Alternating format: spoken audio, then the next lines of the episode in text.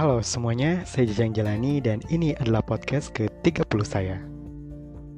Pada podcast kali ini merupakan pod, eh, mengakhiri podcast bagian kedua mengenai development emotion atau pengembangan emosi.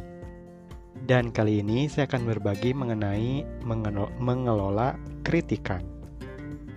Saat ada seseorang yang mengkritikmu, bagaimanakah responmu? Apakah termasuk yang mudah menerimanya atau yang susah menerimanya?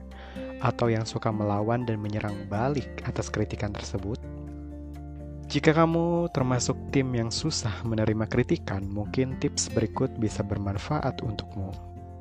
Tips yang pertama, coba pikirkan uh, waktu di mana orang tersebut mengkritikmu apakah di waktu yang tepat atau di waktu yang salah.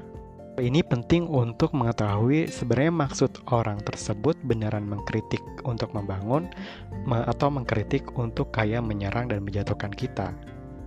Contohnya, saat kamu sedang berkompetisi atau uh, membuat satu karya dan kemudian menyampaikan karya tersebut ke orang lain, maka wajar jika ada orang yang memberikan kritik atas apa yang telah kita uh, sampaikan atau kita sajikan. Namun, saat kamu sedang tidak ngapa-ngapain dan kemudian ada orang yang tiba-tiba mengkritikmu, nah di saat itulah kita bisa berpikiran bahwa bisa jadi si pemberi kritik ini tidak sedang uh, benar-benar uh, mengkritik kita nih, tapi bisa jadi dia itu malah um, berusaha untuk menjatuhkan kita.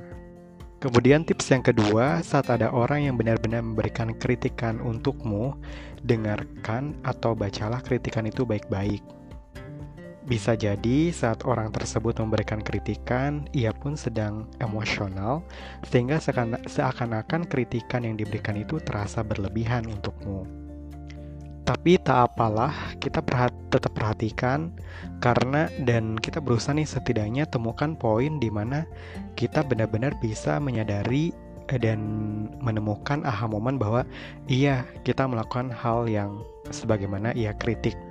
Gitu walaupun dari sekian banyak kalimat yang uh, dikritik dan berlebihan pasti ada satu kata atau satu kalimat yang memang kita menyadari bahwa oh ya kita melakukan hal tersebut gitu ya Tips yang ketiga, sepakat atau tidak sepakat atas kritikan yang orang lain berikan untuk kita, belajarlah untuk melihatnya dari perspektif orang lain. Memperluas perspektifmu itu akan membuatmu lebih bijak dan lebih baik dalam menjalani kehidupan.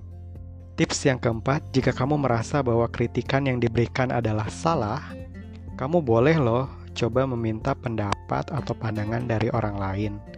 Jika memang yang lain pun sepakat dengan kritikan tersebut berarti memang kita melakukannya namun mungkin kita tidak menyadarinya. Intinya jangan pokoknya um, yang mengatakan kritikan itu nggak benar itu selesai di kita gitu. Coba kita um, tanya ke orang lain menurut orang lain gimana.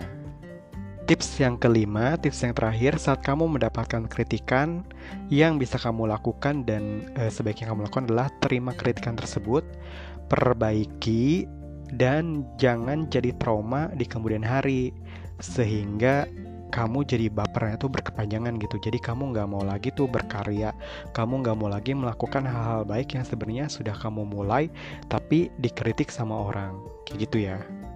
Dan harus teman-teman ingat bahwa ketika kita mendapatkan kritikan bukan berarti kita ini benar-benar buruk dan gak bisa jadi lebih baik gitu loh jadi jangan selesai ketika orang kritik kemudian kita udahan gitu kitanya baper dan ya jadinya kita nggak bisa berkarya lagi uh, di masa depan jadi cukup sekian dulu untuk podcast kali ini. Terima kasih untuk yang sudah mendengarkan.